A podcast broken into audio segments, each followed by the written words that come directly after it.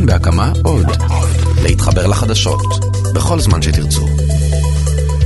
או מסוף החדשות לתחילת התוכנית, כאן אייכלר. אני מעריך שתוך פרק זמן לא ידוע, ארגוני הפשע יהפכו כאן לחלק מפעילות חוקית. בצורה כזו או אחרת, אבל זה יהפוך לחוקי. נשמע מפחיד, אה? מבהיל. אבל זה מה שיקרה, כי זה התהליך, כך זה עובד כאן. מתחילים עם עבירה קטנה פה ושם, מתרחבים לתחומים ולאנשים נוספים, וכשזה כבר מגיע לממדי מגפה, מסבירים לנו שצריך לפתוח את העיניים. צריך להכשיר את מה שאפשר לפני שהכל יהיה פרוץ. זה קרה עם הסמים הקלים, זה קרה עם הבנייה הבלתי חוקית המוכשרת בחוק זה או אחר, וזה קרה גם עם מעשיקים המעבידים בני ישראל בפרך ודורשים מהם להגיע לעבודה בימי שבת וחג כבימי חול. נכון, נותנים להם תוספת שכר, אבל גם פרעה עשה את זה, הוא שילם שכר. כאילו שהייתה להם ברירה ליהודים במצרים, כאילו שיש ברירה ליהודים במדינת תל אביב. אגב, שמעתי את המסכנות של אנשים שנתקעים בלי חלב בשבת בבוקר, מה הם יעשו? אז אולי צריך לחייב את המחלבות לספק תוצרת טרייה בשבת בבוקר, כי איך אפשר לשתות חלב מאתמול, השם ישמור. השועל אמר לדגים שרעדו בבריכה, בואו ותחיו לצידי ביבשה, כך לא תפחדו מהחיות האחרות. אמרו לו הדגים, מה אם במקום בו אנו חיים, אנו פוחדים, אז במקום בו אין לנו סיכוי לשרוד, על אחת כמה וכמה.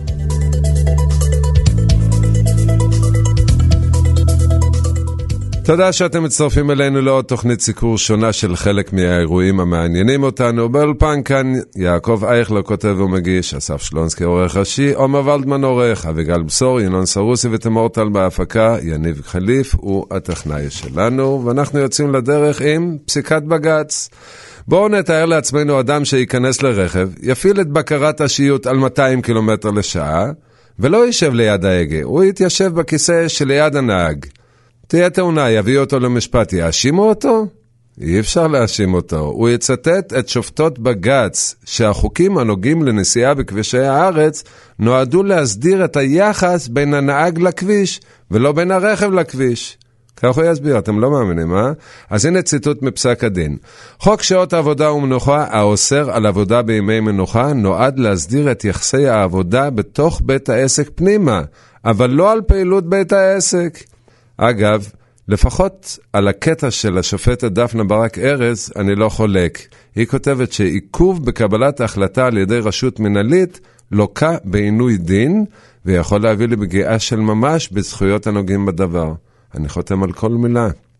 אבל אני רק שואל, למה הדתיים, חברי הכנסת החרדים והדתיים, פתאום מדברים לנו על סוציאלי, יום מנוחה? מה קרה לקדושת יום השבת? שלום לחבר הכנסת אורי מקלב, יהדות התורה. שלום וברכה. מה קרה שהחרדים מדברים פתאום על ערך סוציאלי? מה, מה קרה לקדושת השבת? מה, כבר אסור להזכיר את זה במדינת ישראל? ראשית, אתה צודק, צריך לדבר דבר ראשון על ערך השבת. ערך השבת ועל הבסיס של העם היהודי שמבוסס אה, ככרטיס כניסה לעם היהודי או כהתחייבות אה, של העם היהודי אה, על, שמירת שבת וזה הבסיס לדברים. נכון שיש, לקחו, גם לא רק לקחו זה, גם על נושא של סוציאלי ומנוחה, זה חלק משביתת השבת שבסופו של דבר אנשים נחים ולא פועלים ולא עושים מלאכות. מה, מבחינת מנוחת החמור, למען ינוח חמורך? כולם, גם אתה וגם שורך וגם חמורך, אבל... על לנוח, על לנוח הוא מעבודה, והמשמעות של זה, יכול לקחו את זה מנוחה ממש פיזית, כאן מדובר מנוחה הרבה יותר ערכית, אבל אה, אה, אין ספק בעניין הזה שהבסיס אה, צריך להיות קודם כל הציווי והמחויבות הערכית. אה, יש כאן, אה, הבג"ץ, הפעם, אני מבין שזה הלך לכיוון הזה, בגלל שזו התייחסות מתוך בג"ץ עכשיו, שהוא העלה את הפרשה, והבג"ץ במהותו ותחילתו, והבג"ץ שהגישו בעניין הזה, בעקבות כך עיריית תל אביב, זה היה בג"ץ של אה, בעלי מרכולים ועסקים בתל אביב עצמם, שהם טענו שזה פגיעה בהם כשיש אה, חלק אה, ש... גם, גם עיריית תל אביב הגישה עתירה על זה שלא קובעים לגבי חוק העזר העירוני שהם חוקקו, שאפשר יהיה לפתוח בתי עסק בשבת. זאת, זאת בעקבות תביעה נגדית שהייתה לכאלה, כמשיבה. נאכפו. אוקיי. אז לכן היה כאן, הייתה כאן החלטה של עיריית תל אביב, ועיריית תל אביב אה, כחוק, כהצעת חוק עזר, הייתה צריכה לקבל הסכמה של אה, שרי הפנים למיניהם, ומה שקרה... אבל עכשיו כבר לא צריך. זהו, עכשיו כבר לא צריך. אבל, כן. אבל המעניין, אני, אה, המעניין לי בפסיקה של הבג"ץ, שפתאום הזדרזו מאוד לפסוק. רגע, לא, עוד לא הזדרזו, בוא תישאר על הקו רגע. שלום לחברת הכנסת יעל גרמן, לשעבר ראשת עיריית הרצליה. שלום וברכה, שלום לאורי. שלום, צהריים טובים. בעיר שאת ניהלת, גם העבירו חוק אה, להפעלת תחבורה ציבורית בשבת, אני טועה? לא, לא העבירו חוק, העבירו החלטה של מועצה להפעיל אה, תחבורה ציבורית מצומצמת בשבת, והכוונה הייתה לאפשר לאותם אלה שאין להם רכב, בעיקר לקשישים, לעולים החדשים וגם לאנשים צעירים שעדיין לא הספיקו לרכוש רכב, להגיע לים ולמקומות הבילוי ביום השבת. הכוונה הייתה לאפשר באמת לתחבורה ציבורית לעבור במקום מרכזי אחד, כמובן לא כל התחבורה הציבורית, לא בכל מקום. וזה לא קרה. נתיב. זה לא קרה מפני שלעירייה אין סמכות להפעיל את זה.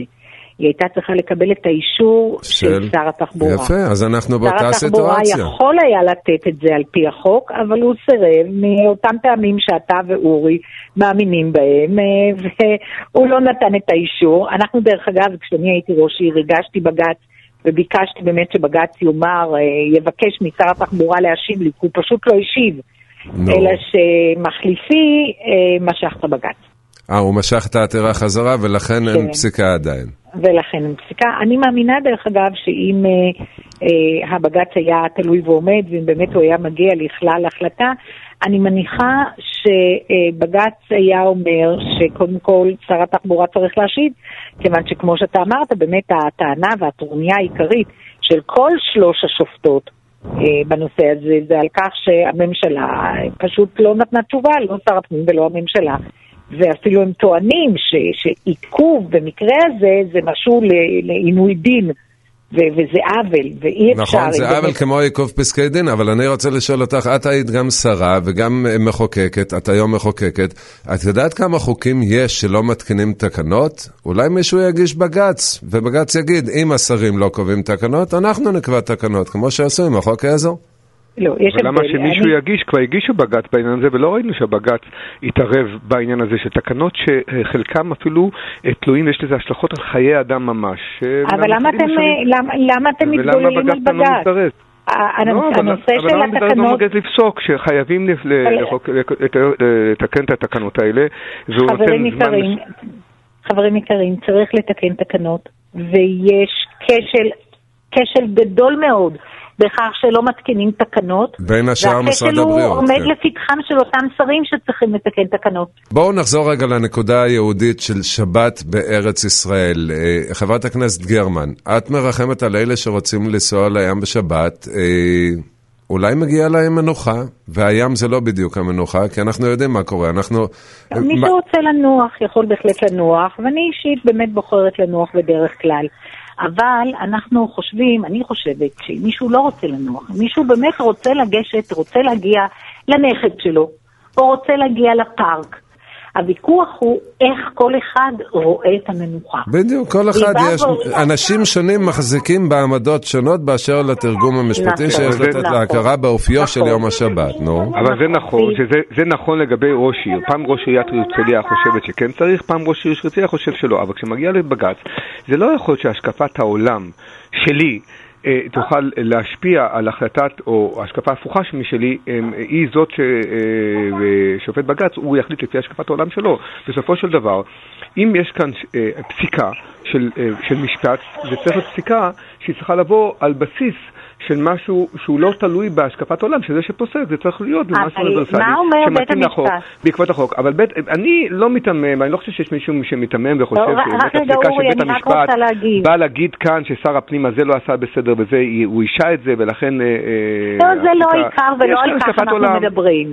לא, אבל לא על כך אנחנו מדברים. אה, אה, אין בכלל פלוגתא וכולנו חושבים שבאמת אה, הממשלה לא הייתה בסדר, הייתה צריכה לקבוע מה שהייתה צריכה לקבוע, לא קבעה, זרקה את זה לבג"ץ, אחר כך היא מאשימה את הבג"ץ, היא עושה את זה לא בפעם הראשונה, בדברים שהיא לא רוצה לקבוע היא זורקת לבג"ץ.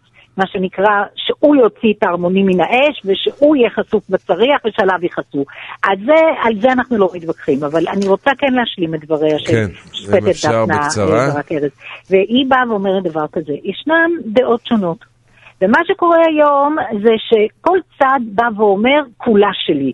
צריך שיהיה איזשהו איזון ושזה יהיה ראוי ונכון וששני הצדדים יתחשבו אחד בשני. אוקיי. וחוק חבר... העזר של תל אביב עושה זאת. חברת הכנסת יעל גרמן, לשעבר ראשת עיריית הרצליה, תודה שהיית איתנו. כן, חבר הכנסת מקלב, לסיום. אני רק לא יכול כן. להסכים עם זה שבאים החרדים שאומרים שהם כן צריכים לפגוש, שצריך לשמור על שבת, ובאים חילונים ואומרים שלא צריך. לא החרדים הגיעו. אה, אה, לא, מי שעכשיו בא ואומר שלא צריך לשמור שבת זה אולי חלק אחד. ואז לא להשוות, ואז לראות את התגובה כשמישהו לא נראה לו, לא שהוא מחלל, אלא לא מישהו אוקיי. גם לא מתיישר בקו הזה. לכן אה, לבוא ולהגיד להגיד שההחלטה של בג"ץ היא לא פוליטית אה, או השקפת עולם של המחליט של השופטים. חבר הכנסת, חבר כן. הכנסת אורי מקלב יהדות התורה, אני מאוד מודה לך שהיית איתנו. גם לכם, כל טוב. הוועדה לביקורת המדינה, אתם שמעתם על זה משהו? לא, לא דיברו על זה בכלל, נכון? אז הרוחות סערות סביב מה שהיה שם, אלה מאשימים את הימין, אלה את השמאל. אני רוצה להאשים את יושבת ראש הוועדה. הרי היא גם ידעה שמהדיון הזה דבר ענייני לא יצא. כותרות, כואבות, או-הו-הו-הו. אז למה היא התעקשה לקיים את הדיון? אני לא מבין את ההורים השכולים, באמת באמת ליבי עליהם. למה הם הגיעו להצגה הזו? הרי יש הצגה שלפעמים הקהל יוצא לא מרוצה, לפעמים השחקנים לא מרוצים. כאן בהצגה לא הקהל ולא השחקנים יצאו טובים. שלום לחבר הכנסת יעקב מרגי, ש"ס, חבר הוועדה. שלום לך ולכל המאזינים. אתה, אתה לא היית אתמול בדיון, נכון? אני צפיתי בכל הדיון מחדרי שהוא במרחק של אה, עשרה מטרים מאולם הדיונים, ובכוונה תחילה לא נכנסתי לדיון. למה? כי מרגע שהגיע ראש ממשלה, יחד עם חברי כנסת מסיעתו, כמו כן נציגות של ההורים השכולים, במצב כזה שיש את הצד של ההורים השכולים, שום דיון לא יכול להיגמר אה, בצורה מכובדת, והייתי אומר אפילו לא ענייני, ואי אפשר להתמודד ולעמוד מולם. ויושבת ראש אה, הוועדה לא ידעה מזה? היא, היא לא מכירה את זה? יושבת ראש הוועדה, אה, כיו"ר ועדה אני יכול לומר לך, כשאתה מגיע לדיון כזה, אה, במיוחד שיש הורים שכולים, אתה, יש לך ציפיות אחרות. זה לא עניין של שמאל ימין.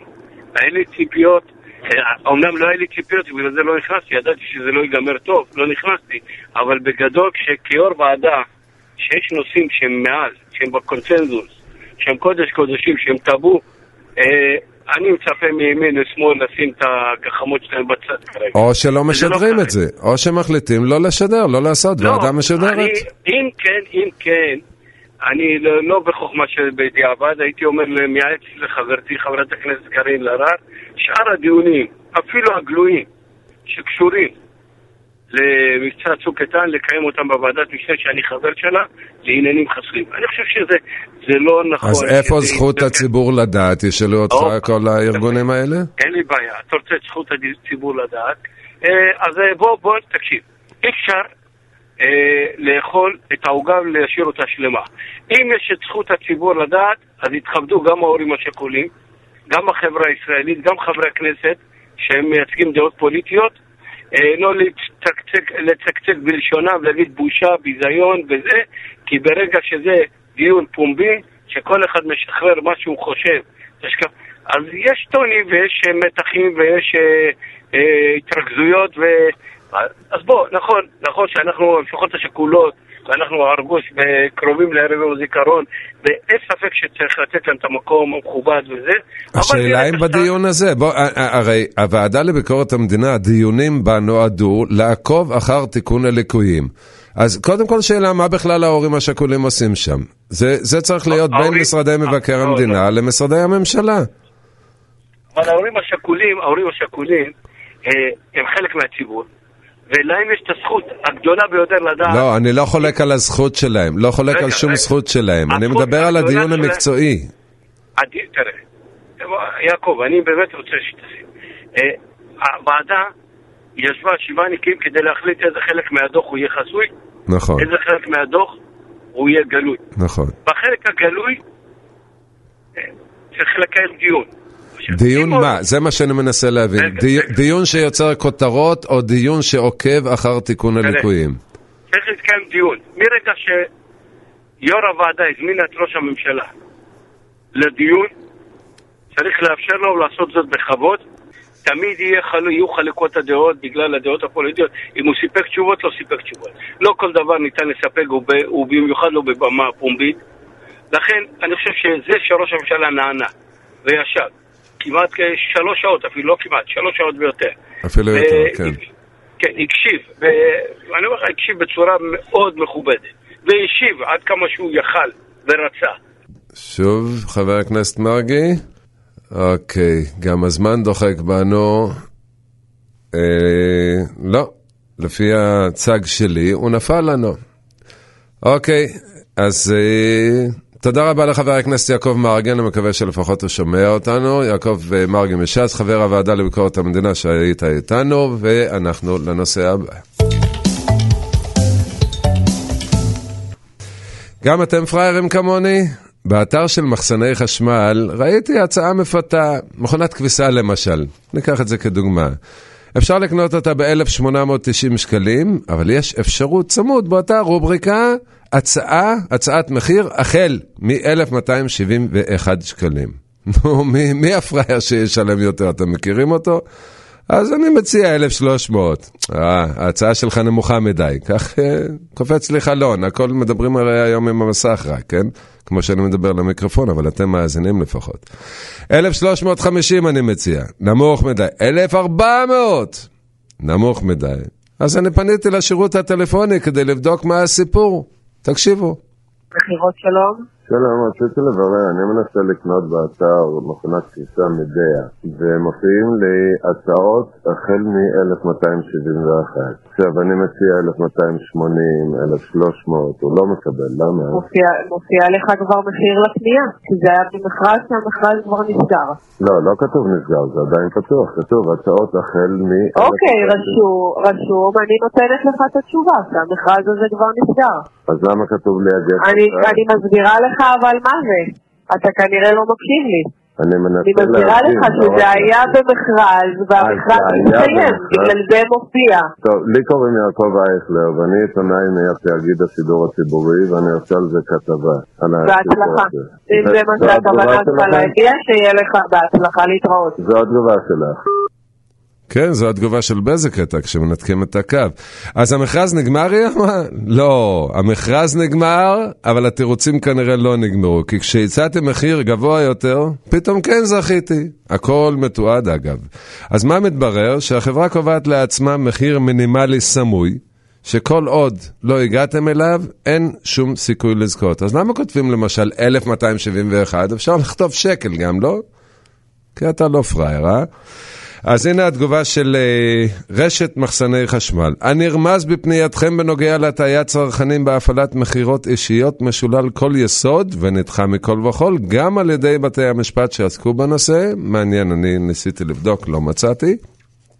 וכך הם אומרים, ההליך של מכירה אישית באתר מתואר לפרטי פרטים בתקנון הזמין והפתוח לכל, ושם מצוין בין היתר שמחיר הפתיחה המצוין באתר אינו זהה למחיר המינימלי ממנו רשאית אלקטרה? איך הגיעה אלקטרה כאן? מה זה היחצן של אלקטרה? ענה לנו, לקבל הצעות על פי שיקול דעתה. יש לציין שכל מי שמעוניין להשתתף במכירה אישית נדרש לאשר שקרא את התקנון. אז אני קראתי את התקנון, מה אני אגיד לכם? לא הייתי חותם אפילו על סעיף אחד ממנו, אבל בסדר. אה, עורכת הדין עופרה לוי, משנה למנכ"ל ויועץ משפטי של ארגון אמון הציבור, את איתנו? איתכם, בוודאי. אז אה, טוענים במחסני חשמל שהמקרה כבר נבחן בבתי המשפט, ונשלל מכל וכול, זה נכון? אני לא מכירה את uh, פסק הדין שהיא מתייחסת אליו, אני גם כן, uh, ב- לא היום, עוד לפני, חיפשנו פסיקות בעניין, אבל יש פה גיבוי משפטי, השאלה אם זה דרך uh, ראויה להתנהל בה. אתה, כמו שאמרת בצדק, בתקנון כתוב, המחיר המינימלי הוא מחיר סמוי שאנחנו לא מגלים לכם. אז בשביל כן, מה אבל אתם יש, כותבים יש מחיר עוד מינימלי? משהו, בואי, אני רוצה, אם הם מביאים לי את התקנון, אז אני רוצה לצטט לך 338 לתקנון, החברה רשאית לקבוע מחיר מינימלי וכולי וכולי וכולי, ובכלל זה לקבוע, שימי לב, שהמחיר המינימלי יושפע מזהות המשתמש. מה זה? שזה, כן, שזה כבר אפליית מחירים אה, על פי, אה, על פי לקוח. זאת נכון. אומרת, אם יש אה, לקוח, אני, שוב, אני מנחשת פה כי אני לא מכירה את הנה, אני המדיניות של. מחסני חשמל, אבל יכול להיות שלקוחות נאמנים מקבלים איזושהי הנחה נוספת. או אה, לקוחות שקונים באופן, אה, בכמויות יותר גדולות. אני באמת לא יודעת, שוב, חוקית מותר להם, מותר לבעל עסק למכור לי ולך מוצ- אותו מוצר במחירים שונים, זו זכותו. אה, השאלה אוקיי. היא איך אתם מציגים את המידע הזה באתר אינטרנט שכל אדם יכול להיכנס אליו, וכל אדם אמור להיות מסוגל להשתמש בו. אתם מציגים מחיר מינימלי, לא, לא כתוב לא מחיר מינימלי. הצעות נכון, מחיר החל מ... מ... כן. נכון, נכון, אני גם הסתכלתי באתר. כן. יש הצעה, הצעות החל מ... אני נכון. לא יודעת איך אתה מבין את זה, אני מבין את זה, עכשיו אני מבין את זה החל להצעות. מציגה למה, זה מה שהבנתי עכשיו, כן. נכון, אז אני עשיתי בדיוק כמוך ניסיונות, וגם אני, רק כשהתקרבתי למחיר המלא שמוצג שם, באמת קיבלתי אישור לזה שההצעה אז שלי התקבלה. זו לא הטעיה צרכנית? בוודאי שזו הטעיה, זאת הטעיה מאוד בעייתית בעינינו. אה, זה, אנחנו בהחלט אה, נפנה עם זה לרשות לסחר הוגן ונבקש שיפעלו בנושא ויטילו פה סנקציות. אז אה, מה אנחנו נרוויח מזה? הרי זה מה שקורה, אנחנו מעלים בעיות והמדינה מרוויחה תמיד מזה. הנה, הרשות לסחר הוגן תמצא שיש כאן הפרה על חוקי הגנת אנחנו נרוויח מזה הצרכן. שמפרסמים באינטרנט יפרסמו מידע שאפשר לסמוך עליו. אנחנו נרוויח מזה שבסופו של דבר אה, אתרי אינטרנט ש... שהיום מבצעים חלק גדול מהעסקאות שלהם אה, דרך, אה, באונליין, זאת אומרת, אנחנו כלקוחות והם כחנויות, אה, ידעו שאי אפשר אה, לעשות לנו כאלה, בדיוק. איך קראת לזה? אה, בית סיגלמה. בדיוק, ב- הצעות. החל מציגה למה, כן.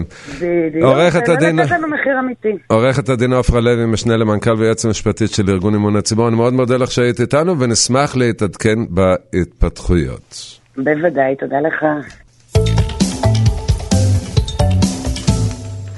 כמו בכל תוכנית, אנחנו מעוניינים לשמוע את דעותיכם, דעת המאזינים, בדברים שמעניינים אתכם, כי יכול להיות שיש דברים שאתכם מעניינים, ואנחנו פשוט לא ידענו. אז אתם מוזמנים לכתוב לנו, אשטג כאן אייכלר, מה מעניין אתכם, על מה אתם רוצים לדבר. הפעם אנחנו נשמע את עמית תומר, כתבת הדסק הכלכלי בתאגיד השידור, על מכרז בתי הקפה בנמל התעופה בן גוריון שנסגר ללא מתמודדים. שלום לעמית תומר. כן, שלום יעקב, מה נשמע? אה, נשמע אחרי קפה, מה אני אגיד לך? אה, קפה תלוי איפה, ואז נגיד מה שלומך.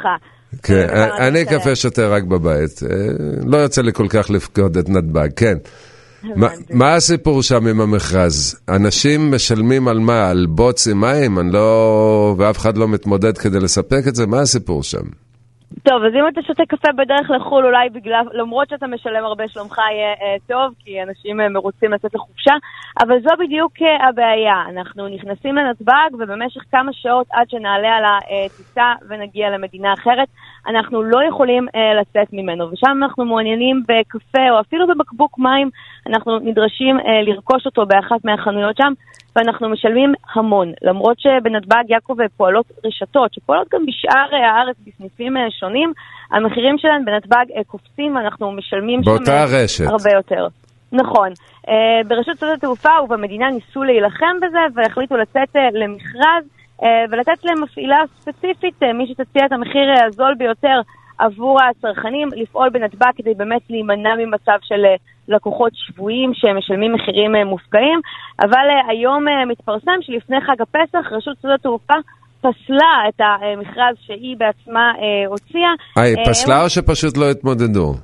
לא, התמודדו שלוש אה, חברות. יעקב, הם אומרים ששלושת החברות לא הציעו אה, מחירים אה, מספיק טובים, זאת למרות שבמסגרת המכרז לראשונה, רשות שדות התעופה מתגאה בזה שהיא הורידה את אה, מחירי הזיכיון אה, לחברות ב-50% ממה שהיה קודם, אה, בשביל שבאמת החיסכון הזה יגולגל אלינו שזה. כמה? יש לנו מושג כמה זה ה-50% האלה? מאיזה סכום? בדיוק. על לא, כוס לא קפה, כמה ההשפעה של זה על כוס קפה? זאת השאלה. הם, הבנתי. אז כנראה שאנחנו לא ההשפעה יכולים על כוס לדעת. קפה כן. באמת הייתה אמורה להתרגם לפי המכרז, לפי מה שהחברות יציעו, אבל עכשיו אומרים ברשות שדות התעופה, אף אחת מהחברות בעצם לא הציעה מחיר זול אה, מספיק כדי לתת לכם את ההטבה הזאת, והם יצאו אה, במכרז אה, חדש. מה שכן צריך להגיד, בינתיים אה, רשת קפה ג'ו שמפעילה כיום את אה, בתי הקפה האלו בנתב"ג, תמשיך לפעול. המחירים שם יקרים מאוד, יקרים הרבה יותר מבשאר אה, השוק, ובעצם ככה היא תמשיך להרוויח, וגם רשת שדות התעופה, שכיום משלמים לה זיכיון מאוד, מאוד גבוה, תמשיך אה, להרוויח בעצמה, ומי שנפסיד זה אנחנו, וזה מאוד מאוד אה, בעייתי. כי יש פה כמה בעצם אה, אשמים במצב הזה. גם באמת עולה השאלה למה השכירות בנתב"ג, שזה קרקע שהיא בסופו של דבר ש... ציבורית, הדרך היחידה החוצה, כן. בדיוק, ו- ואין לנו מתחרות אה, שם. אולי בחוץ, נדבר אה, עם שר. התחבורה שיעשה מבצע קפה פתוח, לואו קוסט, קפה לואו קוסט נעשה, ואז אה, יבואו חברות זרות להציע לנו קפה, כולל טיסה ב-80 שקלים. זה רעיון לא רע. כן, עמית תומר. האבסורדי הוא שבאמת הטיסות שלנו הולכות ונהיות יותר ויותר זולות, אבל על כל המעטפת כן, אנחנו בדיוק. ממשיכים לשלם הרבה מאוד, וכל המאמצים להוריד את המחירים אה, לצורך העניין כאן של הקפה. לא עמית תומר. כתבת הדסק הכלכלי, תודה תודה שהיית איתנו, ואתם המאזינים, אם משהו מעצבן אתכם, לא, לא מעצבן, אנחנו לא מתעצבנים, מכעיס אתכם, כן? אז כתבו לנו אשטה כאן אייכלר, עד כאן להפעם, נאמר תודה ליניב קליף הטכנאי, לתימור טל, אביגל זה בשור וינון סרוסי בהפקה, עומר ולדמן העורך, אסף שלונסקי עורך ראשי, לכם המאזינים, ממני, כאן יעקב אייכלר, להתראות, להשתמע.